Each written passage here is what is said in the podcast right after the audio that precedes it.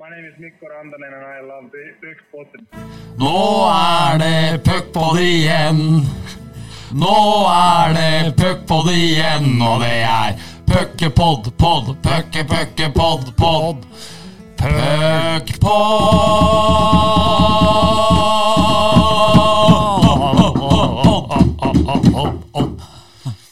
Ja, det var eh, Ja, du kan få ta det, du. Du kan si Nei, jeg, jeg må bare si at dere er ikke noe særlig bedre til å synge enn dere var til å spille. altså.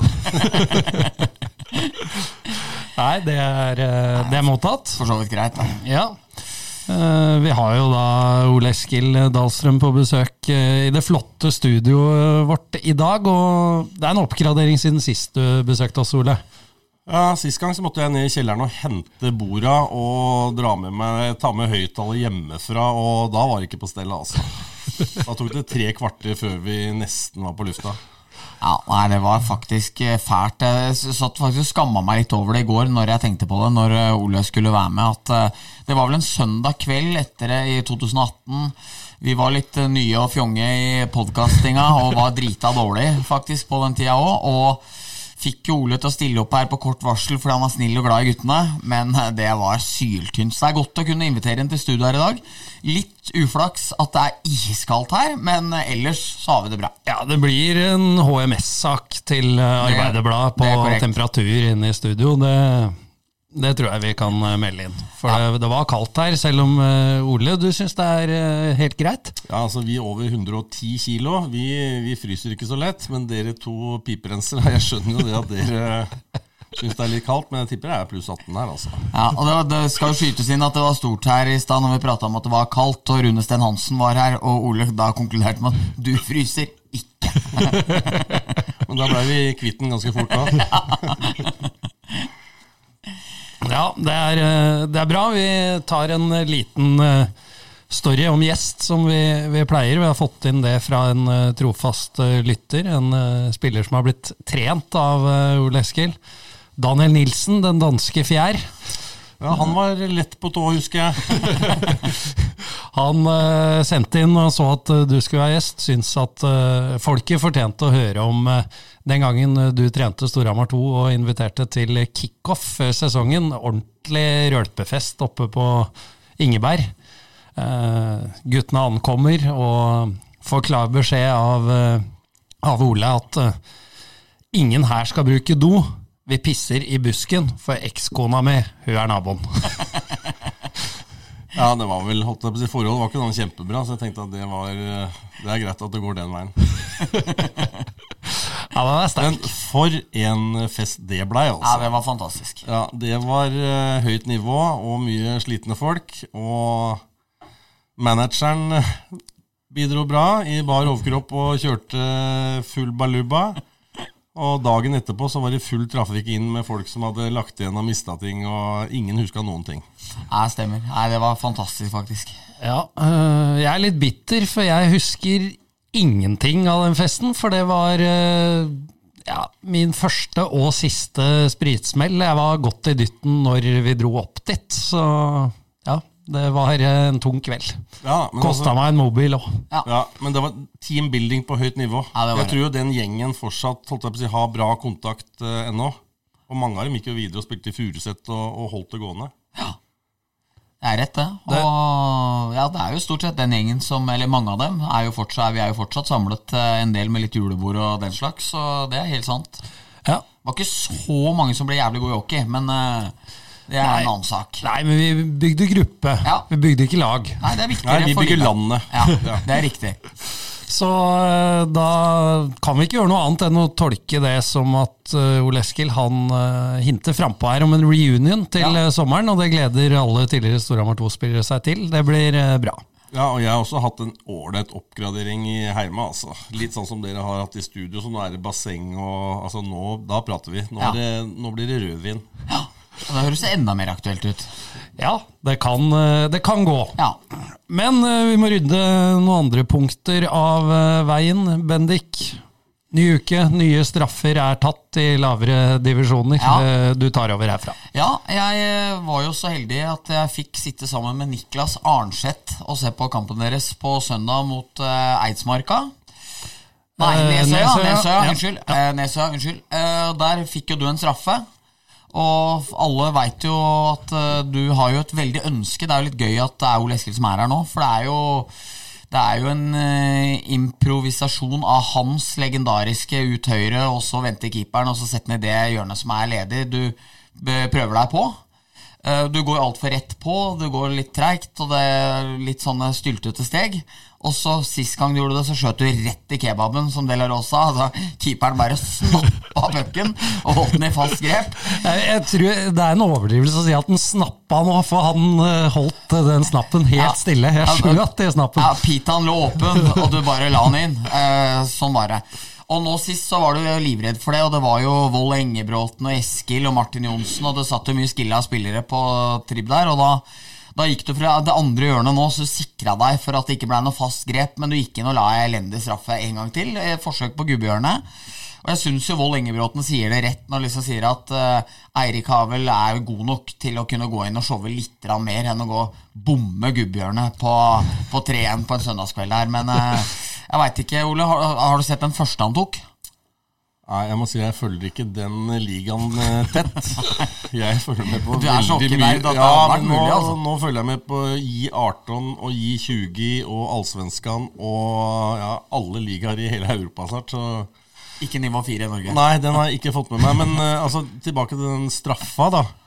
Det er jo ikke bare det at man kan gå inn litt fra kanten og så bare vippe den opp i Man må spille litt teater òg. Ja. Man må få keeperen til å tro på noe annet. Du kan ikke bare gå inn der og så ikke gjøre noe spennende. Og så, så skjer jo det som uh, Tåka Ja, da gjør. ja. Ja, eh, du har eh, tipsa meg om dette før, så jeg skal ta det med meg. Og så lover jeg nå, jeg sa det sist gang òg, men nå er det ikke noe annen utvei, for nå har man driti seg ut to ganger med å være grå. Så nå skal jeg by på det ypperste jeg har av krydder neste gang. Jeg skal sørge for at det blir filma, så får det være at det blir bom. ja men det er lov på nivå 4 og at eh, det må ikke være han som er felt som må ta han sjøl. Ja, Ja. det- Så går det an å få inn en god straffeskytter òg, det, det gjør hvis du blir felt enda en gang. liksom. Ja, men ja. jeg må rette opp ryktet nå, okay, så nå ja. Ja, da, kommer det noe ordentlig. Jeg foreslår at, uh, at vi tar en halvtime en dag. Så skal jeg få satt deg på riktig sporet, for det er praten om også å droppe skulderen litt, finte ned på spaksida, dra med deg keeperen akkurat 30 cm. Idet han flytter seg, så dropper jo han eh, snappen, og da er det helt ledig oppe i kroken der. Ja, det høres lett ut når du sier det, Ole. Så vi får eh, Jeg får ta med meg den. Nå har vi en av hovedaktørene her eh, i eh, mysteriet. Det starta vel nærmest som en sånn julemysterie med denne svettedressen til eh, Rune Gulliksen. Men uh, vi har ennå ikke kommet til bunns i det. Ole Eskil, er et bilde av eh, Rune Gullik etter NM-gullet på Jordal i 96 i knusktørr svettedress med sigg. Og vi får det ikke til å gå opp. Det eneste forklaringa vi har funnet, er at Rune eventuelt hadde med seg en ekstra svettedress som han bytta til, men eh, det tror vi ikke han har gjort. Ja, helt ærlig, det der har ikke jeg plukka opp. Jeg husker han hadde en gammel grå Jofa som han klepte av knæra. Ja, det er den. og- Ja. Og den er altså så tørr, og vi skjønner ikke det mysteriet der. Det kan hende han fikk litt, litt istid, da. Ja, var, dere har bare tre rekker, og så oppført Ja, men, så jeg, jeg, jeg er en av dem. Nei, jeg har ikke peiling. Nei. Det må jeg innrømme, men det kan hende at Rune ikke svetta så fælt. Men eh, på skøyter gikk han i hvert fall, så holdt jeg på å si han burde jo hatt uh, noe mørkere Ja. områder på svettedressen. Ja.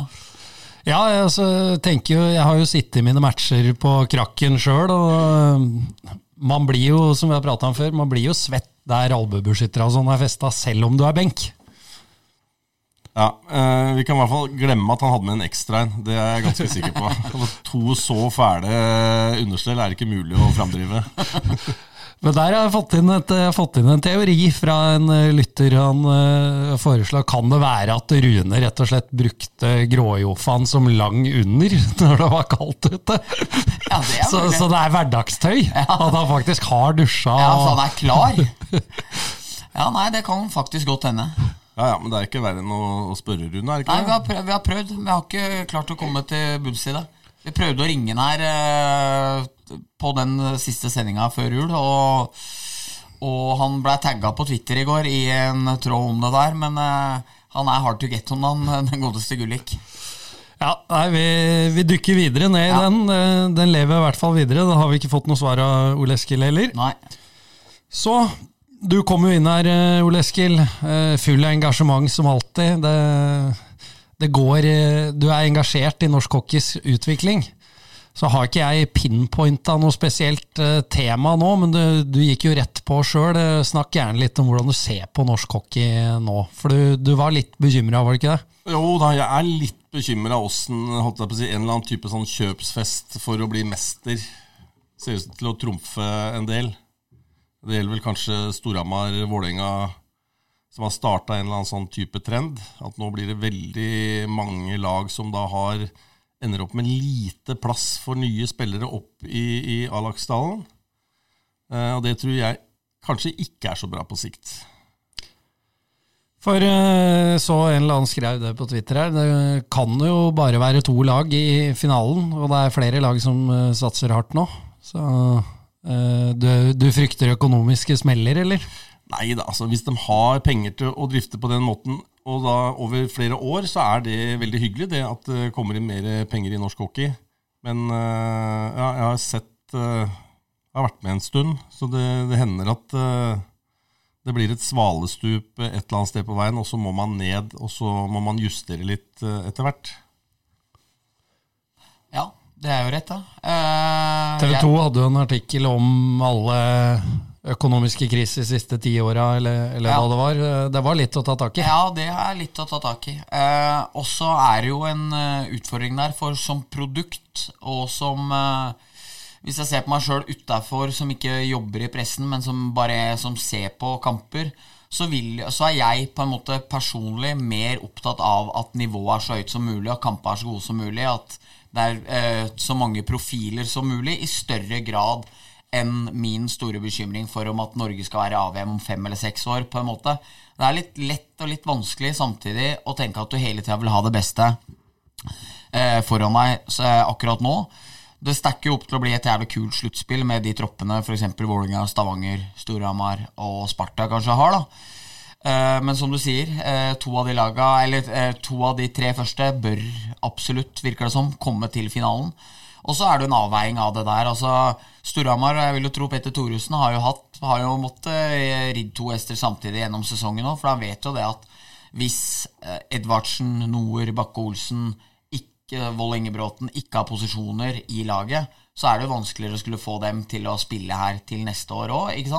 Samtidig som du hele tida må sette de ti beste, eller de presumptivt ti beste i powerplayer og sånne ting, og ta vekk istida til mange. Så det er jo, det er jo en balansegang der. Men jeg syns et godt poeng er jo f.eks. av Stavanger, da, som nesten aldri henter eh, unge spillere utenfra. Altså De venter f.eks. til Kristoffer Carlsen, Østby, Klavestad er eh, gode nok til å ha en rolle innad i laget, så vil du heller aldri på en måte få det der at du må utvikle samtidig som eh, jeg tror en klubb som Storhamar alltid vil trenge, fordi de ikke har de økonomiske musklene. Så det er en veldig veldig tynn og vanskelig balansegang, men jeg er jo jeg har full forståelse for at eh, f.eks. Ole, som er den fagmannen han er, eh, har noen bekymringer for at mange unge spillere kan havne i skvisen her. Og det er jo ikke bare Storhamar, det er jo Vålinga og flere andre lag òg. Ja, Ole, du er jo, øh, driver jo et agentfirma også. Jeg regner ikke med at du skal øh, Det er ikke Skal- derfor jeg er her, altså.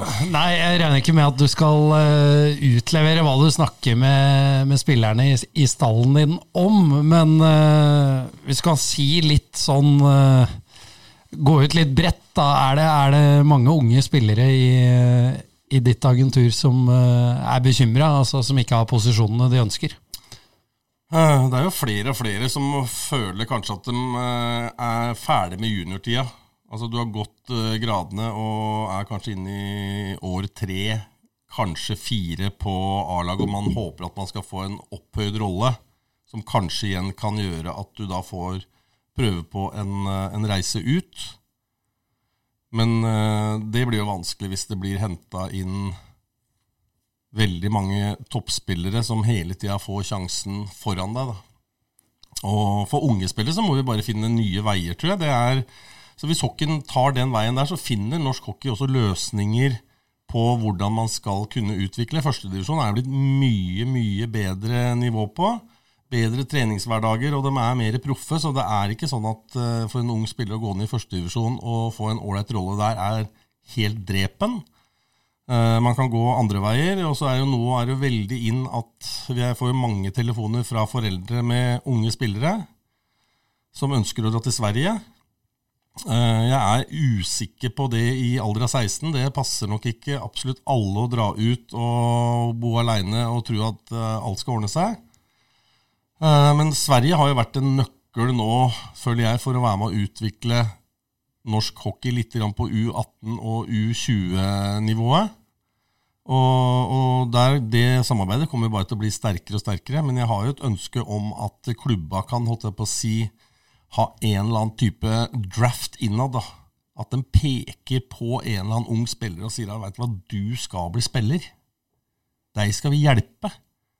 Individuell oppfølging med både taktikk, fystrening Altså, det er mye jobb.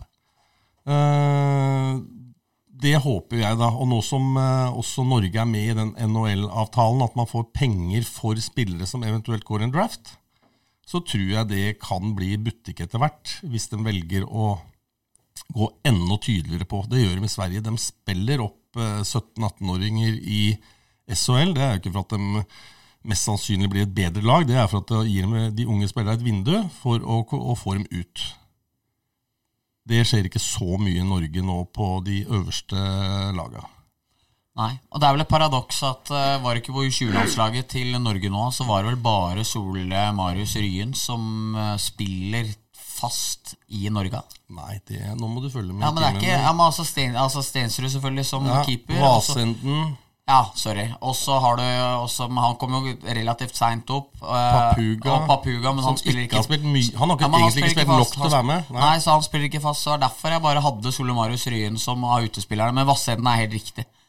Så, men det er jo klart det at Jeg prata litt med Anders eh, Nei, Mats Hansen om det. At uh, skal man, man kan jo snu på bunken. Er det, altså er det dårlig for det landslaget at man ikke spiller i fast, eller fast i den øverste ligaen i Norge, eller har flest mulig, best mulig hverdag av å spille i Sverige, sånn som f.eks. Isak, Mats Bakke og sånn har gjort fra Storhamar, så er det jo Hvis du da får sju, åtte, ni, ti minutter her, så så holder ikke det. Så holder jo ikke det. Eh, og, og, da må det jo være Da må det jo være Eskil Bakke-Olsen god nok, da, som kommer opp som 18-åring og spiller 20 med en gang, men de aller færreste er jo det.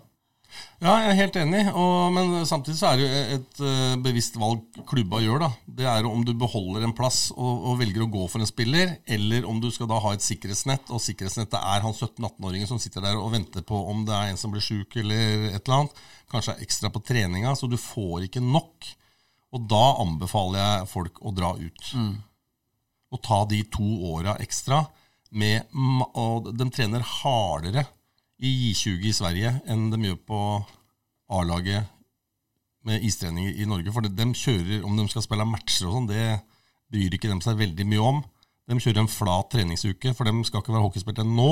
De skal være hockeyspillere om et par år. Ja bare, må bare innom kompensasjonen, for det, det er 1,8 millioner eller noe sånt, er det ikke det? Når du får Ole Bjørvik og Holm ble vel drafta i fjor, og MS splatta penger på han bælfeite Kostisyn, som i hvert fall veide 30-40 kilo for mye. Så ut som han hadde dobbel XL i alt han hadde.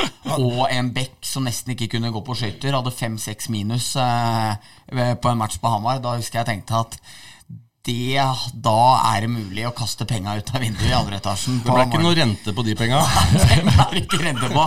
Det var som den aksjen du drev og prata om før vi begynte her. Ja, den ene REC-aksjen min som går da opp 3% hele dagen, og man tenker at herlig, altså. Og så blåser den ned 5% siste to minutta. Det er det er det kjøpet til hjemme, M, som MSA driver med. Ja, og Jeg husker han Kostisien drev og skulle backsjekke hjemmefra. Det er det, altså, Silfest hadde gått raskere på isen før matchen enn hva det var når han var eh, drev og pressa ut lufta. Det kom røyk ut gjennom øra på han. Så sliten var han. Men det er, vel ikke, det er vel ikke så mange norske hockeyklubber som har eh, fått inn noen renter på penger på konto opp gjennom åra? Det er vel Stavanger eventuelt? Ja, det er i hvert fall ikke dem. Det, det, det kan vi være helt klare på. Ja, men jeg, som sagt, jeg tror det er noe å hente der, men da må man holdt på å si, tenke litt annerledes, og så må man begynne å tenke litt før.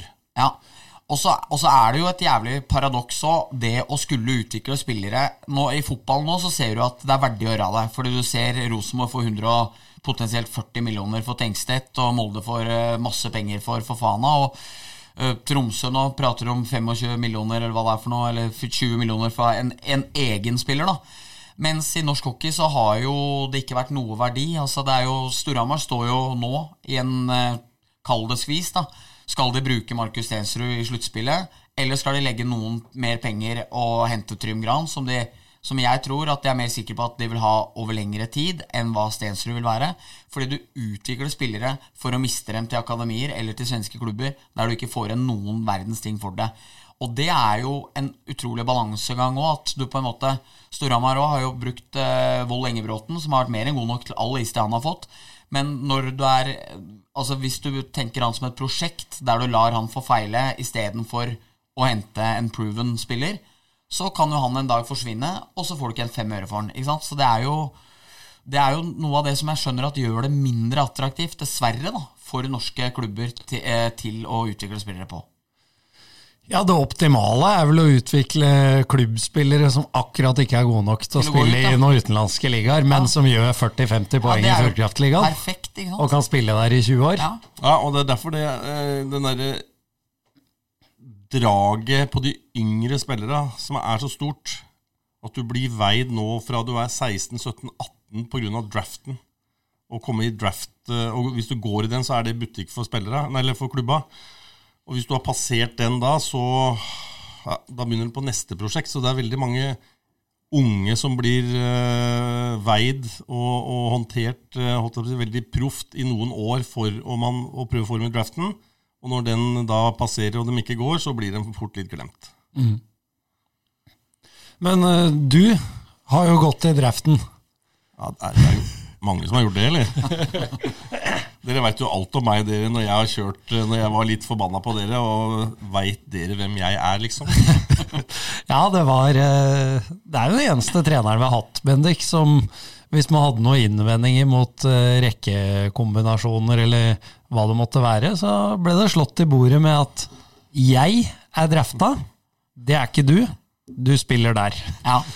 Det var jo en relativt legendarisk marsjkveld i eldre Udo-sluttspillet i Asker, da Christer Evensen storspilte på vingen, men var på sedvanlig vis misfornøyd med et eller annet. Og da var det jo selvfølgelig at han ikke spilte senter.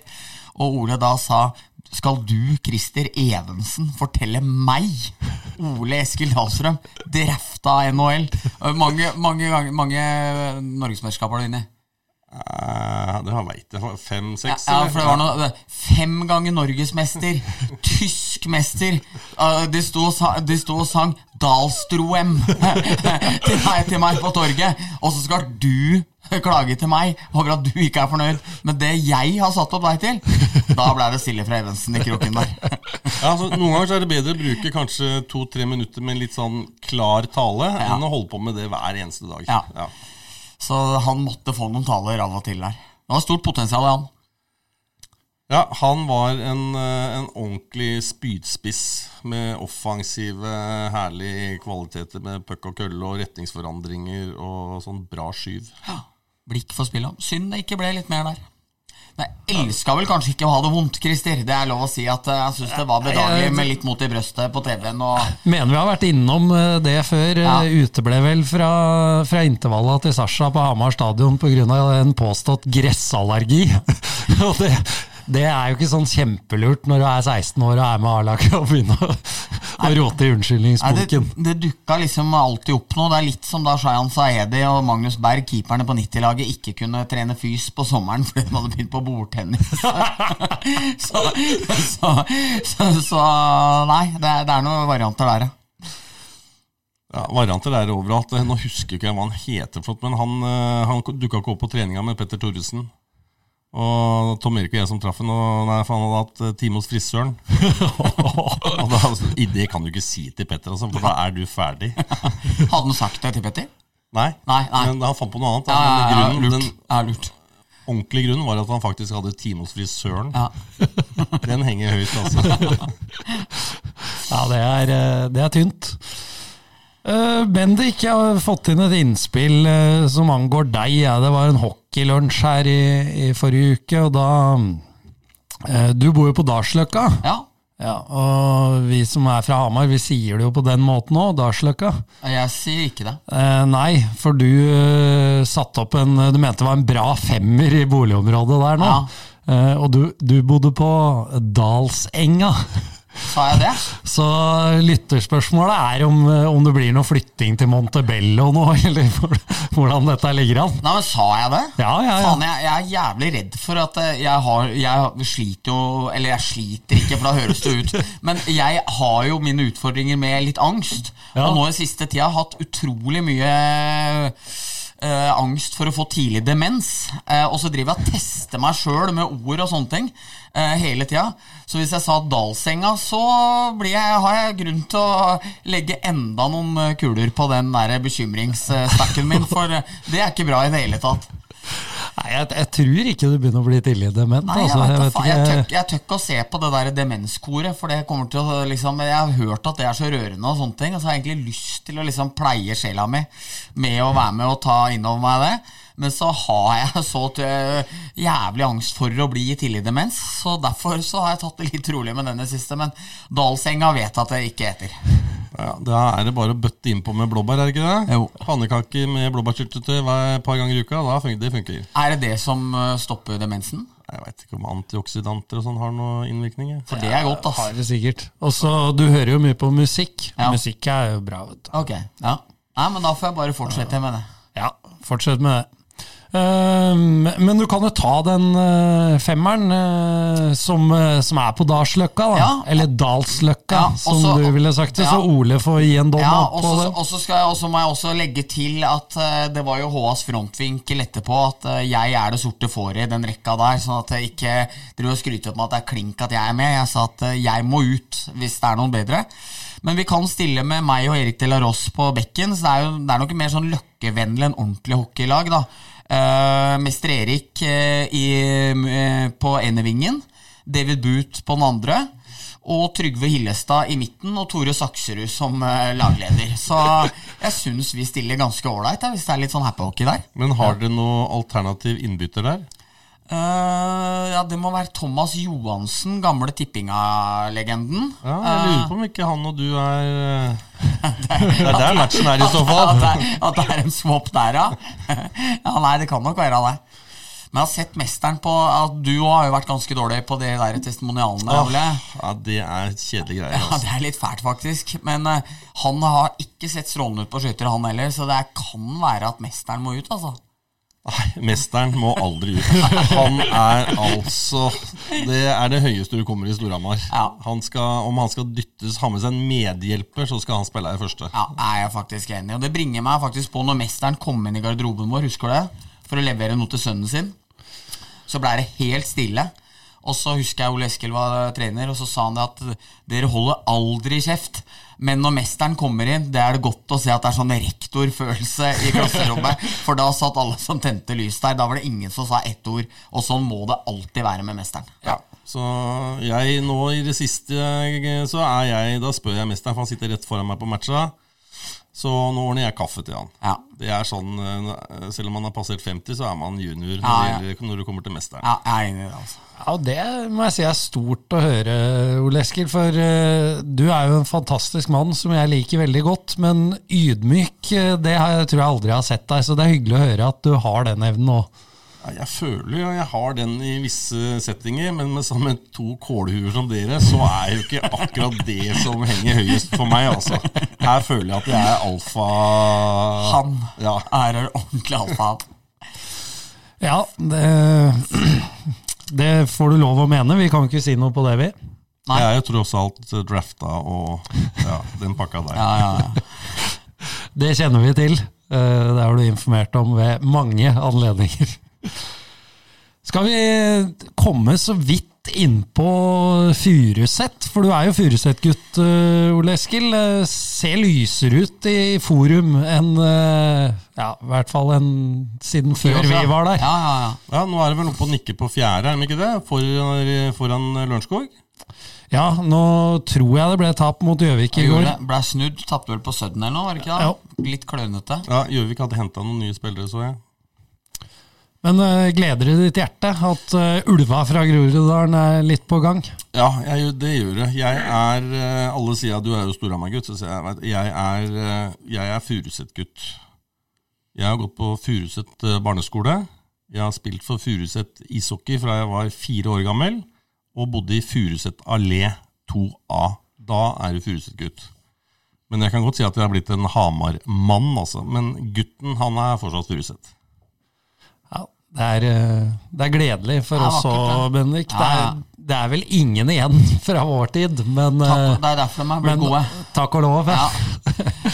Men eh, det er jo Jeg er helt enig, og jeg håper jo at Furuset kan være den førstedivisjonsklubben som kan samle opp uh, Oslo-gutter og gjøre dem så klare og gode som mulig. Jeg hører Kenneth Larsen får gode skussmål for den jobben han gjør der. Lyktes jo ikke helt eh, i Vålerenga i fjor, men det tror jeg ikke det var så lett å gjøre for egentlig noen, sånn ståa var der. Men Furuseth Furuset må veldig veldig gjerne fortsette å være i den posisjonen de er nå. Kan eventuelt bytte med Gryner, men eh, vi må aldri på sikt få inn enda et Oslo-lag til i bunnen av tabellen på bekostning av noen fra et annet distrikt. Det tror jeg ikke vil være veldig bra. Nei, Er det eh, jeg er må heller litt kaldt vann i, det, i den?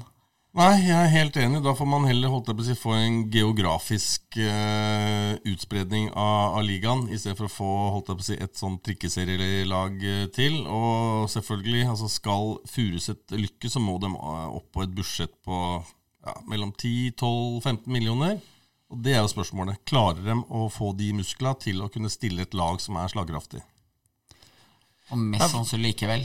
Nei, for de er vel eh, litt i samme posisjon som eh, Manglerud. Eh, det blir vel ikke så mye mer enn mye mer tilskuere i forum, eventuelt, enn det det er i Manglerudhallen. Nei, Jeg håper at potensialet for Furuset kultur, kulturklubben da, eh, at det er høyere. At de klarer å dra kanskje en eh, 700-800 hvis de hadde fått litt dreisen på det.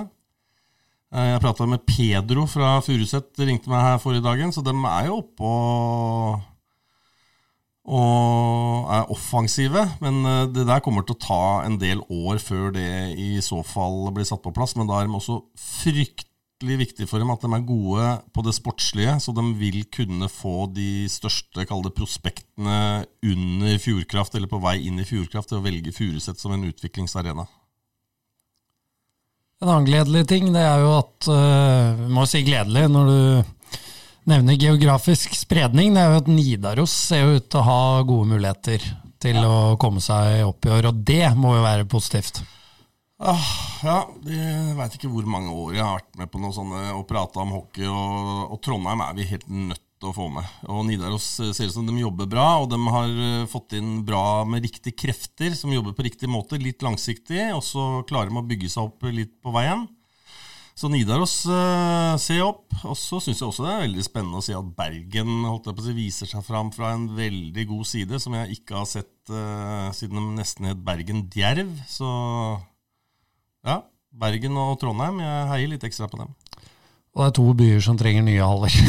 Det må Ja. jeg lure på. Bergenshallen, badekaret, den er fæl, altså. Ja, den er helt fryktelig. Jeg tenker at eh, Trondheim Jeg har jo snakka om det her tidligere i podkasten. Jeg var jo så heldig å få reise opp dit og dekke en landskamp i debuten til eh, Var det Vold Engebråten og Eskila, tror jeg, når Sander skårte. Um, og den hallen holder jo helt fint til å spille Til å spille Fjordkraftliga. Og det er jo, det er jo nærmest et eh, slott i forhold til Mardalen og Sjongshallen og Grünerhallen og eh, de tre. Eh, så, men de trenger jo flere isflater, er det jo ingen tvil om. En så stor by med et så stort nedslagsfelt som det, det har, trenger eh, flere arenaer der flere kan bli gode på. Eh, og så så du jo da, det var jo stappa fullt på den ene matchen, og det var jo relativt mye folk en torsdagskveld mot Latvia hjemme i oktober, november, november kanskje. Eh, så, så potensialet er jo der. Og så er det jo som Ole sier òg, at de har jo fått inn litt riktige krefter.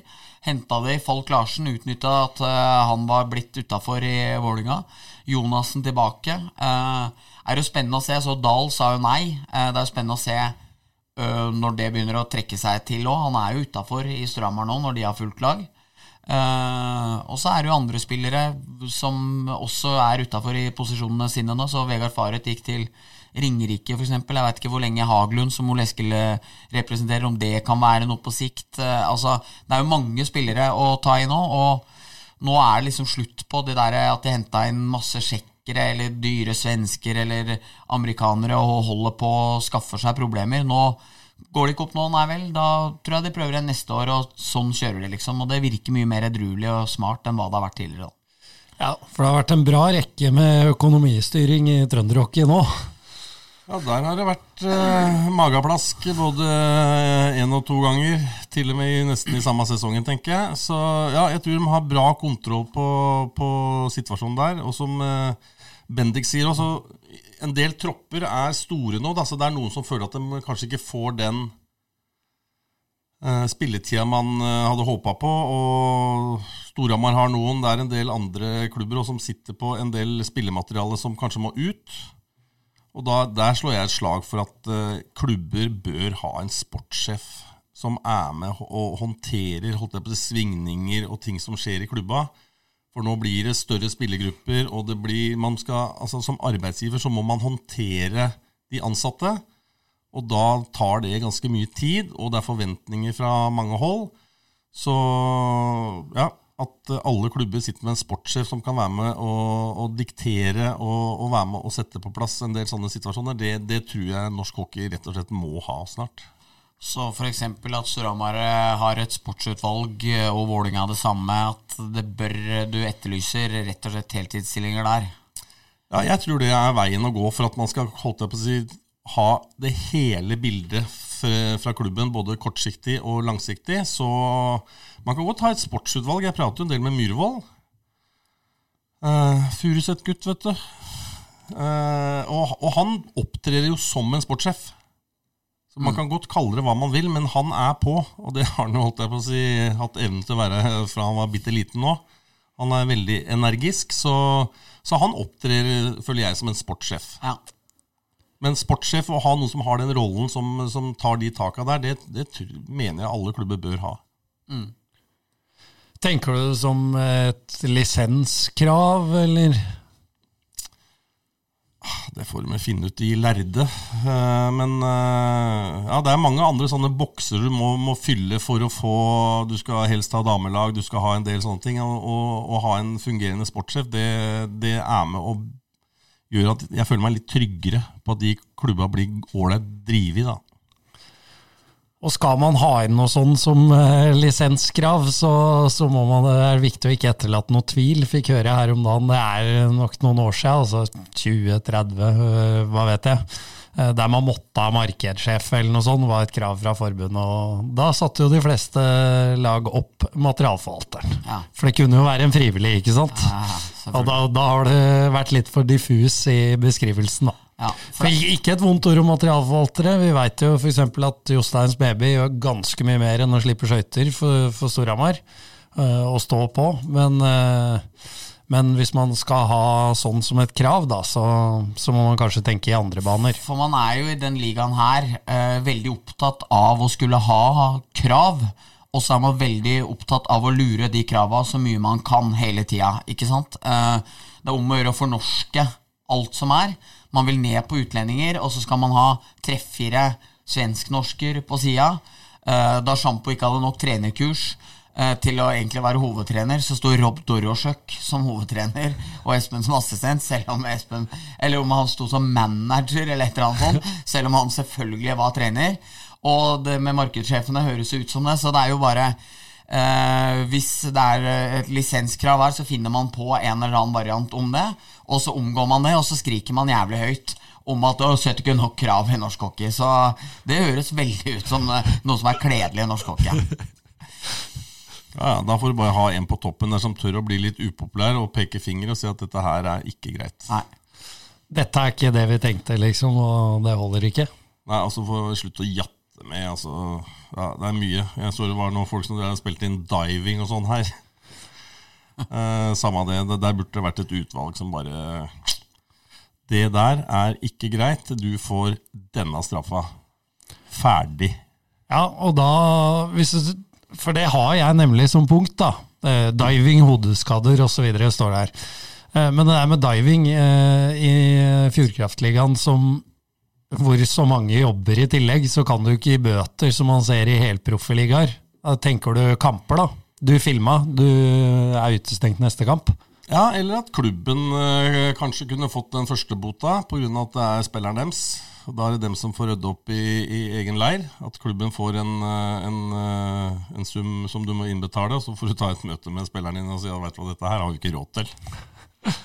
Men, men, jeg, men, jeg, lurer litt på det, for jeg, jeg er jævlig enig i det. Men eh, altså, i den ligaen her, med et uh, utvalg som ikke engang klarer å ta stygge hodetaklinger, eller ikke engang klarer å ta frifinne Så Kristoffer Carlsen har sona tre matcher for en takling rett i skuldra på en Ringerike-spiller, til tross for at de har sittet og sett på video eh, at det har skjedd. Altså, Så begynner jeg å lure litt sånn derre Altså, vi har situasjonen med Sveum Thoresen. Eh, Eh, jeg mente ingenting da, og jeg skal passe meg for å gjøre det nå pga. at jeg dekker saken. Det samme med Rost Solem eh, der. Altså, det er jo, det er jo du, Man kommer jo ikke unna at Patrick slår Sveum eh, der. Eh, hvorvidt han trenger hjelp av to stykker for å komme seg av isen, eh, om det egentlig er nødvendig, er jo vanskelig å si. Jeg syns jo på en måte i domsavsigelsen der så står det vel at det er sånn oppførsel man ikke forventer. eller et eller annet sånt. Det er litt sånn voksenkjeft til begge to. Ja. Eh, mer enn eh, at de beskylder enten Thoresen for noe veldig stygt eller Sveum for noe veldig pinlig. på en måte.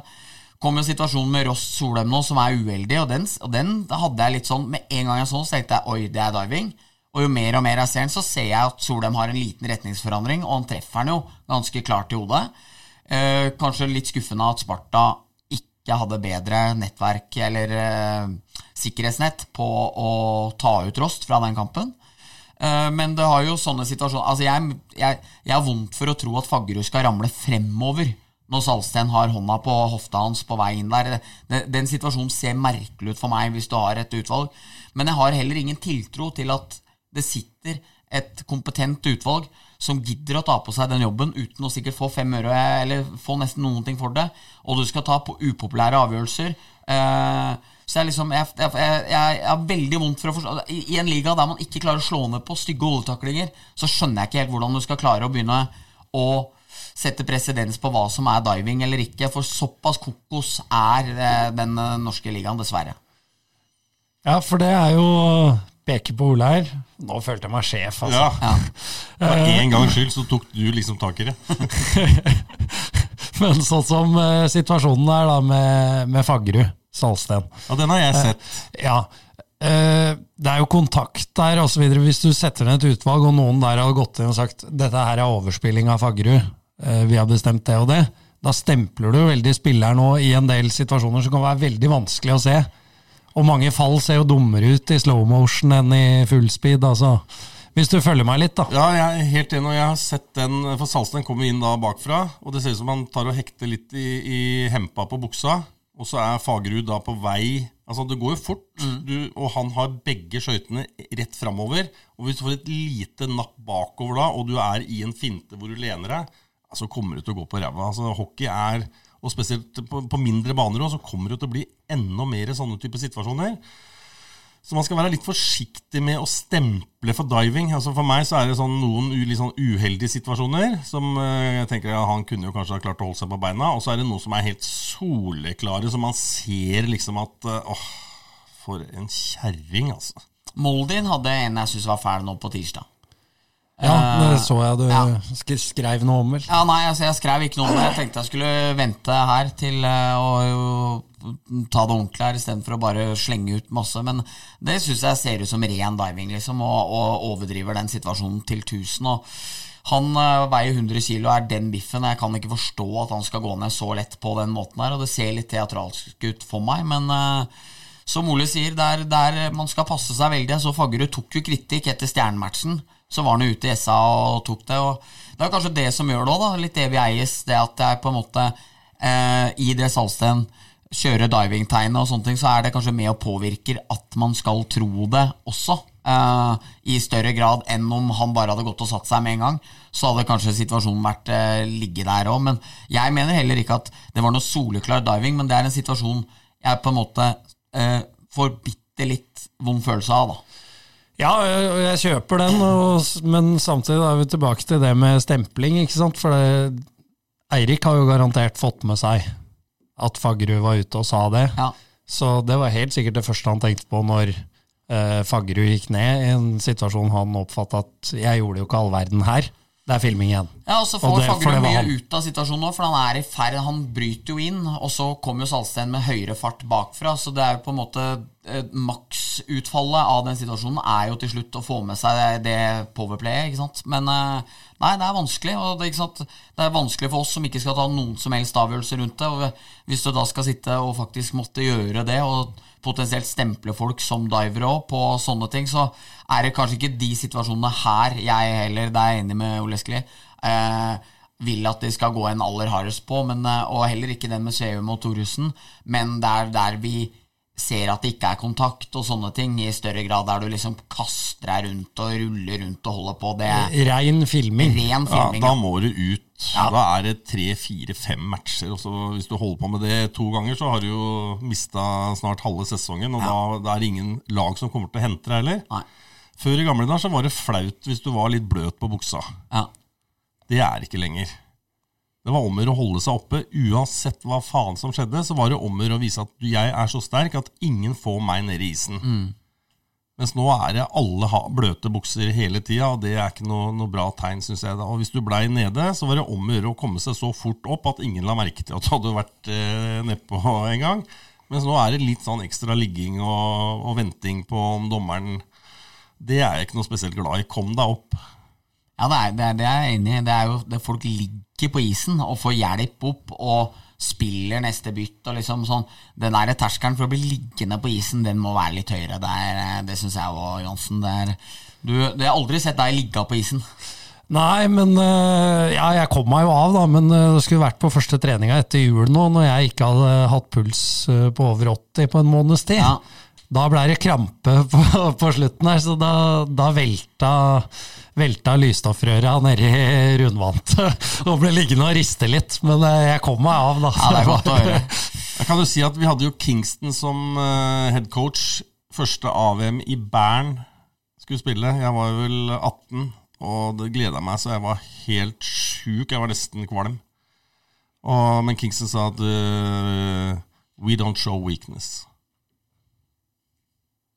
Det er, You get up, and you come to the bench. Og jeg fikk jo ødelagt kneet. Kamenski tok jo kneet mitt i, Stemmer i match 1. Så det første jeg tenkte på før jeg landa, det var at uh, you don't show weakness. Så jeg gikk jo bort i boksen med avrevet leddbånd. da, Men det er det som er kulturen. Altså, den må bygges, og den må bygges fra trenere og klubb inn i spillere. Du kan ikke tillate så at eh, Da må også klubber altså gå ut og ikke ta parti med spiller hele tida. Altså, for da, da blir produktet dårlig. Et eller annet sted så må klubben rett og slett si at sånn kan vi ikke ha det her. Du får ikke spille Du får en match av oss òg, for sånn skal vi ikke ha det her. Men det som kommer til å skje da, er at klubba begynner å forsvare sine egne spillere. Det er, det er bare det som kommer til å skje.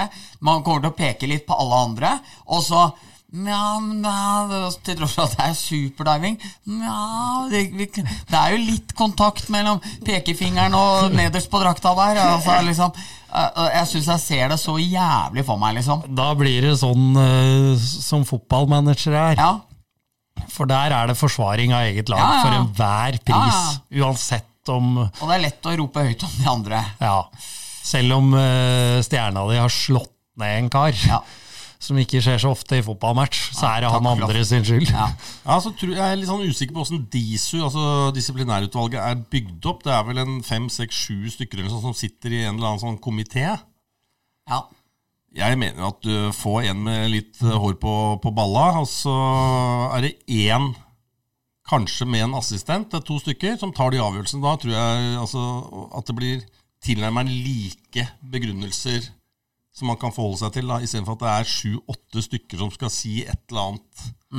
Som plutselig kjenner onkelen og tanta, eller Og så skal det passe for alle og møtes og Nei. I NHL så var det vel Shanahan som eh, holdt jeg på å si, satt oppe på, øverst på stolen og sa at eh, det der er greit, det der er ikke greit, og da var du ferdig med det. Så jeg tror man får inn én stemme, og så, så blir det mer reale avgjørelser. Enig. Ja.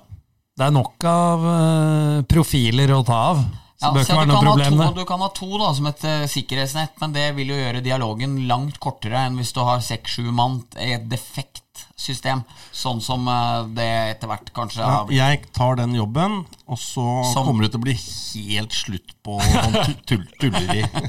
Blir slutt på tull på isen, og det blir sikkert ikke noen diskusjoner på sosiale medier heller, vet du. Ja, der er jeg ikke så ofte, så det driter jeg i.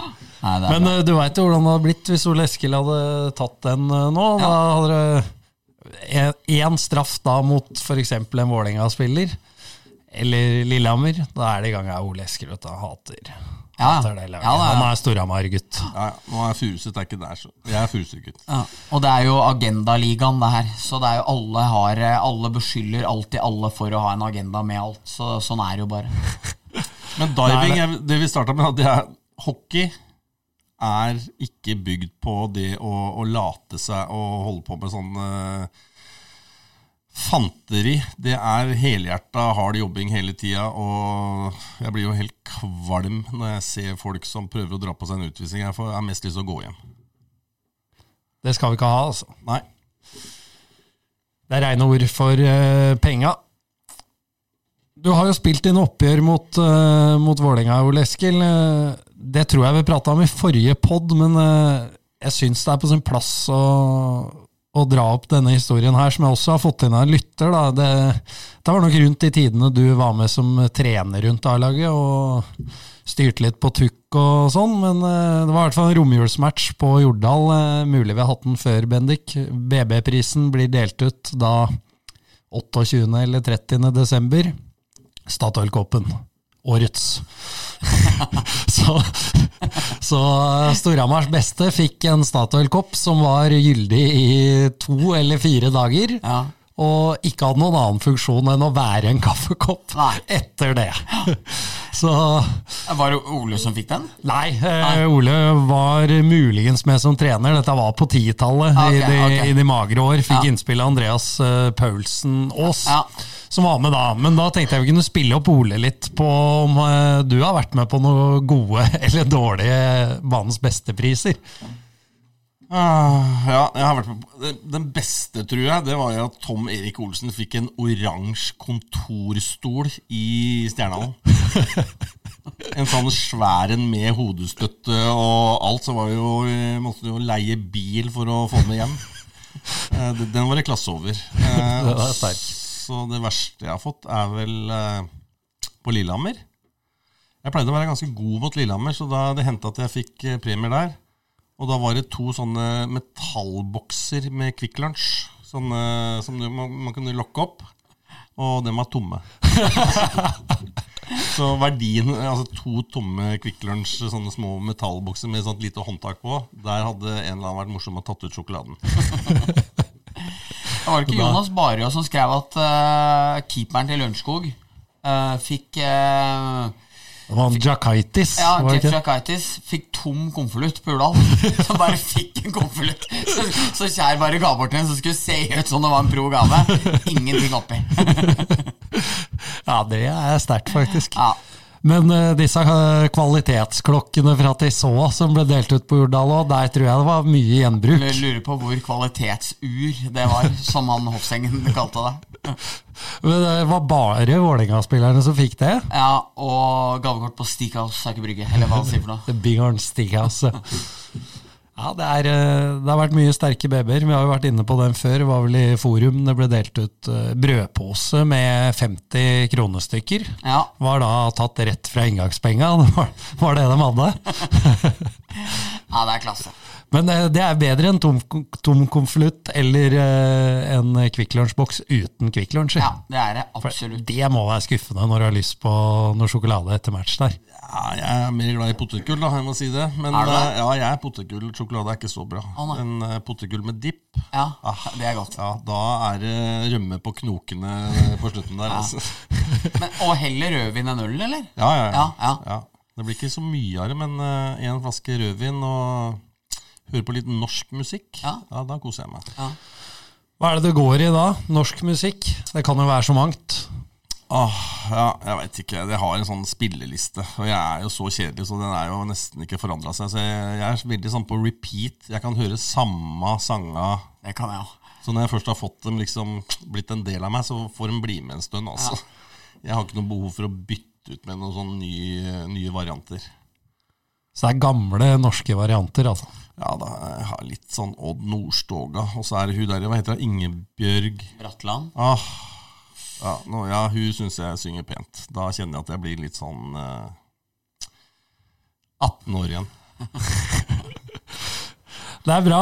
Bendik, har du noen ukens røver til oss Nei. eh, denne uka? Nei, jeg har ikke det, men øh, Nei, det har jeg ikke, min gode venn. Nei. Men jeg har Men- forberedt noen øh, Noen øh, blomsterkvaster og litt sånn. Men Ja, det har du forberedt, for det regner med, Jo Eskil, det har du kontroll på. Du har med deg kaktus og kvast. Ja, egentlig. Eh, Hvis ikke så er jeg veldig god på å finne på ting sånn veldig fort. Det er sant, det. Ole er kreativ. Skal vi heller, eh, heller hoppe dit, da? Ja, Eller skal vi ta med noen ord om Storhamar-Vålerenga på lørdag, f.eks.? Ja, det kan gleder vi oss, ja det, gleder vi eh, oss, veldig til. det gleder vi oss veldig til. Og så må vi da gjøre alle oppmerksomme på at det er hockeylunsj klokka tolv med meg og Blystad og Njål Berge, faktisk. Eh, Så det kan bli litt interessant. Eh, Litt, ta litt tempen opp mot den matchen der. Det er jo venta å bli helt smekkfullt. Nå skal, nå skal bootpenga hentes inn. Eh, Så det blir jo veldig, veldig gøy. Hvor mange Eh, er det plass til borti hallen der? 7000? Er det ikke Holder det? Det er 7000 med det, det spørs. Det er vel 7000 med de ekstratribunene, er det ikke det? Jo. Nei, det, For det var jo er- 7100 og noe i den romjulsmatchen i 14-15. Okay. Da var det ekstratribber. Ja. Åh, jeg får jo ikke sett den kampen. Jeg skal jo til Jeg, eh, jeg skal med para-ishockeylandslaget, der jeg er trener. Vi er jo en A-nasjon, ikke sant? Mm. U18 er A-nasjon, U20 er A-nasjon, og A-landslaget er A-nasjon. Det er jo det, holdt jeg på å si, det jeg har drømt om i de siste åra. Så ja, bare skryte litt av det. Men jeg skal bort og drar med oppmøte 04.00 i morgen tidlig. Skal ut og spille mot Italia og Tsjekkia, men jeg kommer til å få meg den matchen Vålerenga-Storhamar. Det er noe helt spesielt. Men eh, holder du deg unna resultatet da, eller prøver du det og koser deg med en etterpå, eller eh, åssen gjør du det da? Når det er sånne matcher, liksom? Da prøver jeg å få med meg live. Jeg, jeg sitter ikke Ja, nei, nei, ok, dere har ikke kamp samtidig? Nei, jeg tror ikke det. Nei, nei, Nei. nei, det skjønner jeg da. Nei, det blir så fett. Det Storhamar har litt taket på Vålerenga hjemme òg, så det er, kan bli ordentlig, ordentlig gøy. Det. Ja, det blir deilig med, med full CC Amfi. Så blir det jo det blir jo et ganske labert vorspiel i kveld hjemme mot Manglerud, vil jeg tro. Både når det gjelder trøkk og stemning. Kom ikke mange i CC Amfi i dag, eh, Ole. Det kommer nok flere mot Vålinga, men uh, samtidig så MS er jo ikke favorittlaget til Storhamar. Vant de ikke 3-1 sist mot Lillehammer? da? Jo, men det var så dårlig keeperspill, dessverre, for Lillehammers del, og at det var nesten umulig å vinne. Det var, eh, det var som de keepera du måtte hanskes med på Surhamar 2 for 12-13 år siden, Ole. Ja, Da er det ikke lett å vinne. Men eh, da må vi skyte inn det om Manglerud, altså. Ja, Eh, Slo er Ringerike, de mobiliserer. Ja, det er jo blitt mobilisert. Ja. De, eh, Og Ringerike har mye bedre lag. De var jo dømt nord og ned, og Ringerike tar den eh, siste sluttspillplassen. Men eh, fått opp dampen litt igjen på Manglerud. Ja, Brødre har dukka opp igjen, dem Ja. nå. Ja, det er eh, den du veit-gjengen. De, er på- de er på jobb. Det er, og det imponerer meg, for dem er blitt uh, satt i stikken. Og så blir det spennende nå, da. Fordi uh, Stavanger ser jo veldig, veldig solide ut. Uh, de fleste jeg har snakka med, i hvert fall tror de kommer til å ta seriegullet. Òg. Og da betyr jo den åttendeplassen plutselig at du må fly to ganger til Stavanger for å tape. Både for Manglerud og Ringerike. Og hvor attraktivt er det da? Når alternativet er å ta en buss opp til Trondheim i kvaliken med, med noen bussturer på Østlandet. Åh, jeg håper ikke folk tenker sånn. altså. Det må jo være om å komme mest mulig opp og vise seg fram. Og det tror jeg helt klart spillere gjør.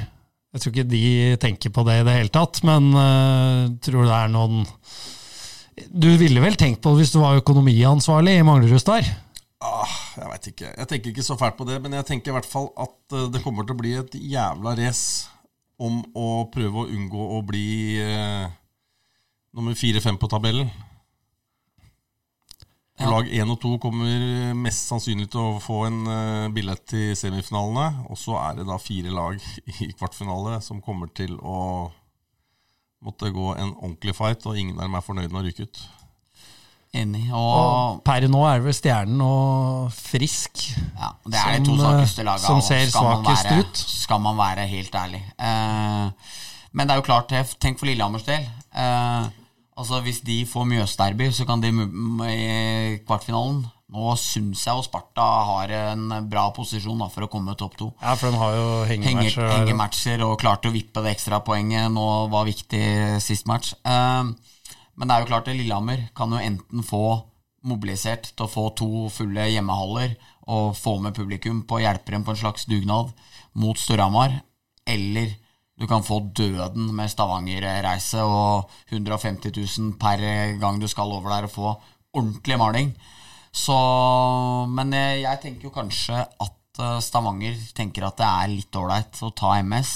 Fire mil fra Gardermoen, det er veldig fort enkelt gjort. Det er ikke, det ikke, ikke, ikke Nordkapp-avstand opp til Lillehammer heller, det er ikke det. Men eh, det er enda litt sånn smoothere og enklere alt sammen å bo i Oslo der og fort til Gardermoen igjen nå. Så det kan bli dyrt for brødra å komme til playoff igjen. Men de blei kompensert av den oversjenerøse eh, kompensasjonen når koronaen kom i 2020. Med, inntekts, med tap av inntekt på 1,4 million, når de egentlig skulle tape to kvartfinaler mot Stavanger og ryke rett ut og slippe å reise dit. Så dem bør ha litt penger fra det. Og litt fra Kostisien la igjen noen kroner i fjor. Så han bør nesten dekke to turer for dem han, over til Stavanger, så bør det der ordne seg. Ja, de koronapenga de har de sikkert fått rente på. Ja, Dem står nok der og, og, og godter seg på konto. Men uh, jeg er helt enig, korona Det virka som den fikk for alle tapte inntekter, og det var ikke regna inn en utgift Ikke eh, i det hele tatt. I det, i det, så det var nok en bra deal for Håkin. Ja, det tror jeg. Det var jo nok eh, helt klart eh, også for eh, Storhamar, Ja. som Ja, ja, hadde dal dalende tilskuertall den sesongen, og så ble alt plutselig basert på året før. Og det var jo gode greier. Yep. Ja. Da går vi til spaltene idet vi runder timen. Det er ukens Kvast starter vi med. Ja. Bendik, du kan få begynne. Skal jeg få begynne? Eh, da må jeg dessverre gi det til Stavanger, da, som har fått så jævlig fart på hjula sine.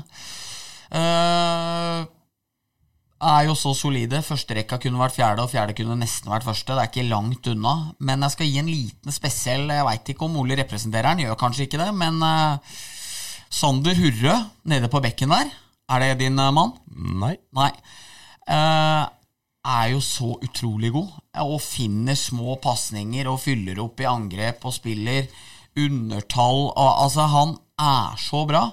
Så den godeste Todd Bjørkstrand blir beskyldt for å være litt destruktiv og kjip. Men jeg syns han har klart å finne gull i eh, Fredrikstad-gutten Hurre. Som liksom for meg har vært sånn tidligere. Har drevet kommet aleine med keeperen og liksom vært litt sånn type.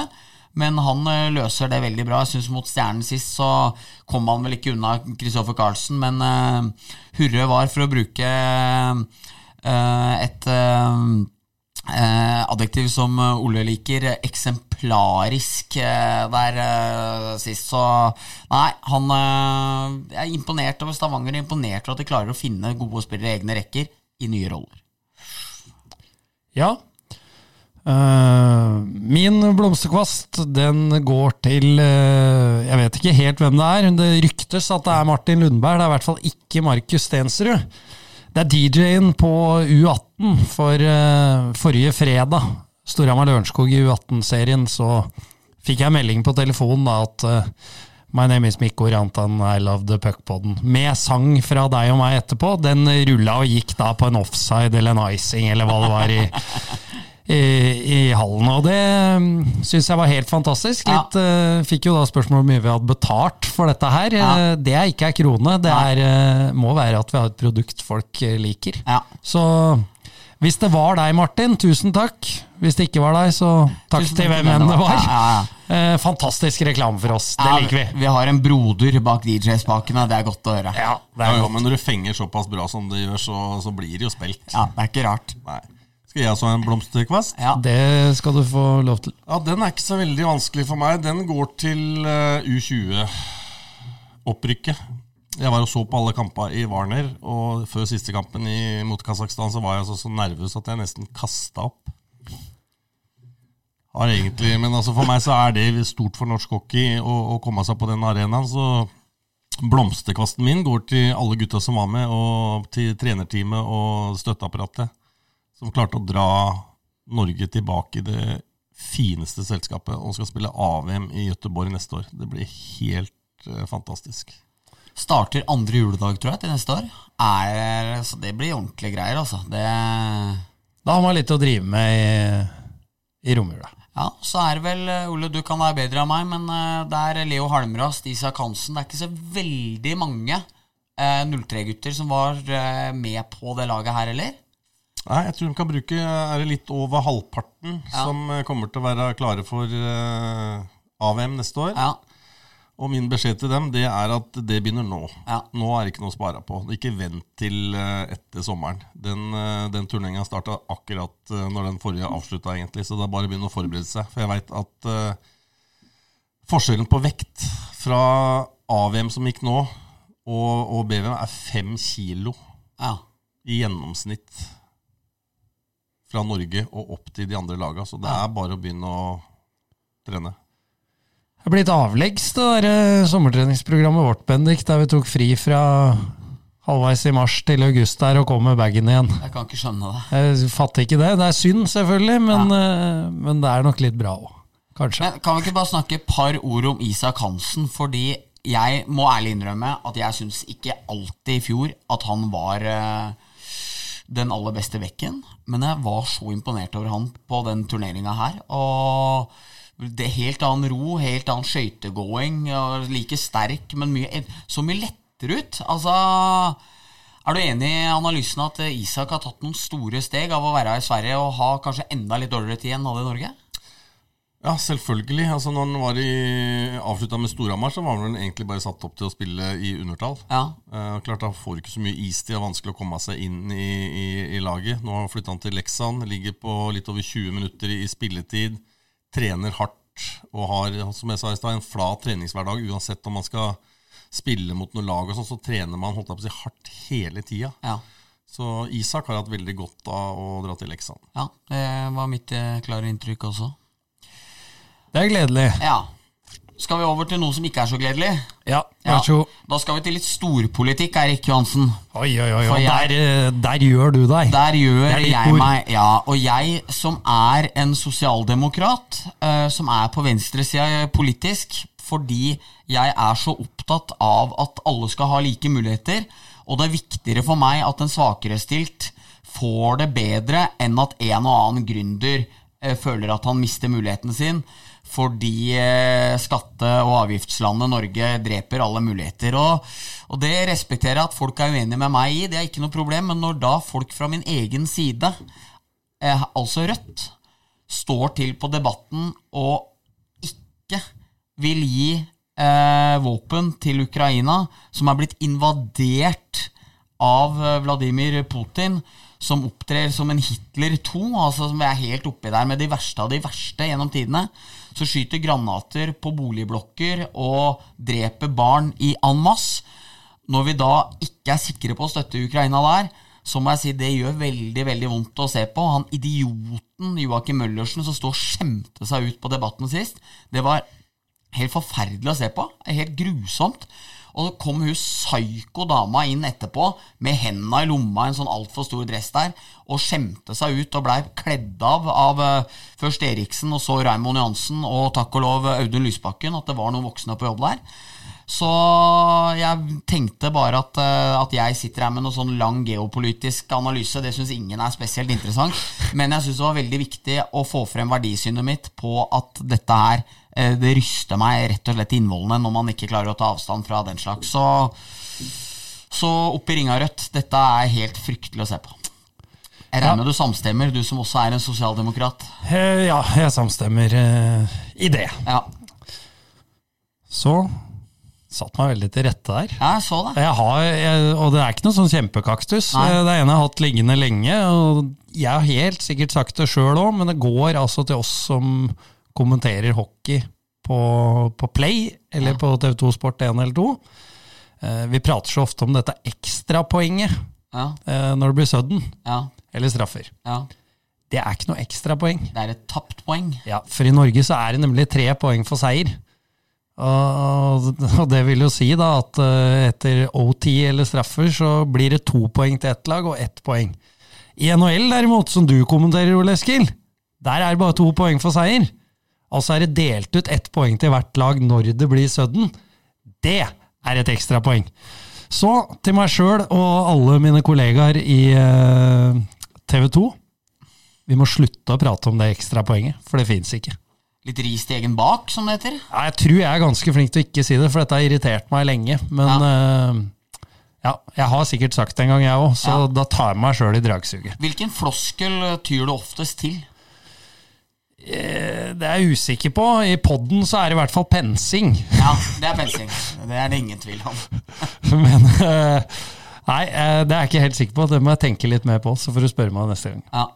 Det blir dårlig radio at jeg skal sitte og tenke på det. Ja, det er enig. Det, er enig. Ja, det blir bedre radio hvis jeg slipper til. Ja, ja. og da lar vi deg Så vær så god, Ole Eskil Dahlstrøm. Takk. Blir du kalt tåka av noen til vanlig? Eh, Anders Wold? Ja. Volleren kaller meg fortsatt for Tåka. Det ja. tror jeg er den eneste sammen med deg. Ja, for det her henger litt sammen. da, at eh, Jeg begynte å kalle deg Tåka når jeg hadde deg som, eh, som spiller. For når jeg sto og prata, så sto jo du og Du var jo Fulgte jo ikke med i hele tatt. Og jeg har hørt rykter om at det var pga. at du hadde fått en ripe i pleksiglasset som du drev og så på, men den var jo ikke der i flere år, eller? For du så akkurat lik ut hele tida. Og så hørte jeg at du hadde en kaktus på den der korken. Ja. Da tenkte jeg at fy faen, Tåka er så ærlig. Drikker han med den korken rett foran så han får den opp på nesa hele tida? Det var det jeg tenkte da. Det går an å legge den til sida så man ikke merker den så godt. altså. Man trenger ikke å skrape nesa med den hele tida. Korka på cola, ja. ja. ja jeg har eh, Min sånn kaktus går jo til Jeg er glad i wienerpølser. Og for andre gang i karrieren så tok jeg feil sånn pølsebrødpose her. Og det er en eller annen fjott som har klart å dele pølsebrød midt oppi foran. Ja, de, de har jeg sett. Ja, det er, ja, og jeg fryktelig. sjekker jo ikke Jeg går ikke og knar på pølsebrød før jeg kjøper dem. Så jeg tok jo bare og raska med meg en. Og jeg skal jo ha rå løk og rekesalat. Ja. Og de pølsebrødene er det så vidt du får pølsa nedi. Ja, det er helt krise. Ja, Så jeg får ikke rekesalat, ikke rå løk, ingenting. Og han som har funnet på den der pølsebrødvarianten der, han burde ha fått eh, sparken, rett og slett. altså. Ja, det, det er jeg enig i. Altså. Ja, det er eh, fryktelig pølsebrød. Men, men, en annen ting var inne på pølser. Altså nå har, eh, Jeg liker å kalle det Statoil, det er ikke tidlig demens. Det, altså det, er, det holder, holder på navnet. Circle K. Nå har det gått opp, jeg veit det er inflasjon. Men wienerpølsa i fjor kosta 10 kroner, så kosta den 20 kroner, og nå er det 25. Og jeg likte å kjøpe fire wienere til middag og pakke dem med i sånn hvit eh, boks og spise det til middag, sånn at jeg slapp å koke wienerne hjemme sjøl. Men nå koster det plutselig 100 kroner istedenfor 40, og da er det ikke verdig å gjøre det lenger. Så det syns jeg er veldig trist. Det er en sånn minikaktus fra meg. Ja, jeg er enig. Eh, en annen ting som det ble jo tatt opp i Otto Jespersen sitt program 'Otto har fått nok'. Ja. Der prøvde de å løse det der at det ikke går an å finne en standard. At ikke pølseprodusenter og de som lager brød og lomper, kan klare å samkjøres og stemme med antall. Åtte, det er enten åtte eller seks av et eller annet, og så Ja. er det ti av noe annet, og så blir du sittende igjen med noe Ja, det er jo bare tull. Ja, åtte Det- pølser og ti pølsebrød eller noe sånt, er det ikke det? Men da kan, Jo, du lage, tror- men da kan du lage toast av pølsebrøda. Det med ost og skinke i, det er jævlig godt. Eh, Støttes. Ja. Det, Litt ketsjup der, og litt sånn grillkrydder. Å, fy a meg. Da ble jeg sulten, altså. det er mye du kan gjøre, men hvis du jobber i Hatting da, og har ansvaret for pølsebrøda, Ja. så ville jeg da tatt meg en tur ut og sjekka litt sånn. Skal vi se, her eh, er de som lager pølser, ja. ja. Ja. Det er eh, ti i pakka. Ja. Ja. Da lager vi ti, vi. Ja. Vi lager ti brød. Ja. Ikke åtte, ikke tolv. Nei, nei, Eller fem, da. Så kunne du i hvert fall kjøpt to, da. ja, nei det er, det Må er gå opp. Må gå opp. Og det, det gjør jeg altfor ofte ikke. Nei, enig. Så vi har litt å jobbe med der, altså. Ja, Fin kaktus, eh, Ole. Ja. Det satte vi pris på. ja veldig bra. Uh, en annen ting vi satte pris på, det er at du kom med ditt blide åsyn. Vi er uh, nærmest rørt her. Ja, Ja, jeg må litt eh, Når dere hadde Sjur på podden, Ja. kjørte dere til Sarpsborg, ja? Ja. Ja. Dere veit hvor jeg bor hen, eller? Ja. Ja. ja, men ja, vi hadde dere drar altså med dere pikkpakke og kjører til Sarpsborg for å prate med Sjur Robert Nilsen. Ja. Så må jeg dra ut av senga en time før, måke bilen, parkere 20 minutter unna og gå hit. Ja. Jeg føler meg jo nesten litt sånn eh, Det er kanskje fælt å si som en hore her, altså. Ja, men, så med, med tanke på at vi har sånne intervaller på fire år og tre måneder mellom vi treffer deg, så neste gang da kjører vi opp på Ingeberg. Ja, det syns jeg faktisk hadde vært på sin plass. Ja, Altså. så er det litt wienerpølser og ø, hygge Ja. der i stedet. Ja, ja. Nei, men da er vi enige om det. Ja. Eh, det, vi skulle gjort det i fjor. Da var det litt spesielle omstendigheter som gjorde at det ikke blei sånn. Men eh, når sluttspillet begynner å dra seg til, så kan det jo bli litt kortere podder og litt hyppigere for å få tatt tak i det som er aktuelt. Ja. Og da kan det ha mulighet for å, for å ta en tur opp til sjølveste sluttspillmannen. Ikke sant? For det, det er jo det du er, Ole. Du veit alt om sluttspill og leverer i det. Eh, Jeg tror jeg har ålreite tall i, i sluttspillet. Ja, du har det. Ja, og så bor jo jeg da på Ingeberg, som er uh, Hamars Holmenkollåsen. Så dere er veldig velkommen til å komme opp der og se på utsikten. Vi, vi tar gjerne en tur, eh, så vi skal plukke opp eh, For den, forrige gang så husker jo ikke du Du husker jo ikke akkurat åssen det så ut der, du da. Det gjør jeg ikke, men Det, eh, det gjør faktisk ikke jeg heller, for jeg, jeg lå naken i sjøstjerne, feit og jævlig, nede på doen hos min beste venn, eller en av mine beste venner, Martin Lindstad. Der mora hans kom inn. Så det var, det var ikke bare deg som hadde en tung dag på jobben den kvelden her, Johansen. Nei, eh, det kan skje den beste, det der. Yes. Tusen takk for at du kom, Ole. Bare hyggelig. Tusen takk for at du kom, Bendik. Takk for at du kom, Erik. Takk for det. Yes. Så er vi tilbake om et par uker, vi. Det er vi. Cirka. Ja, Ha vi det. hørs.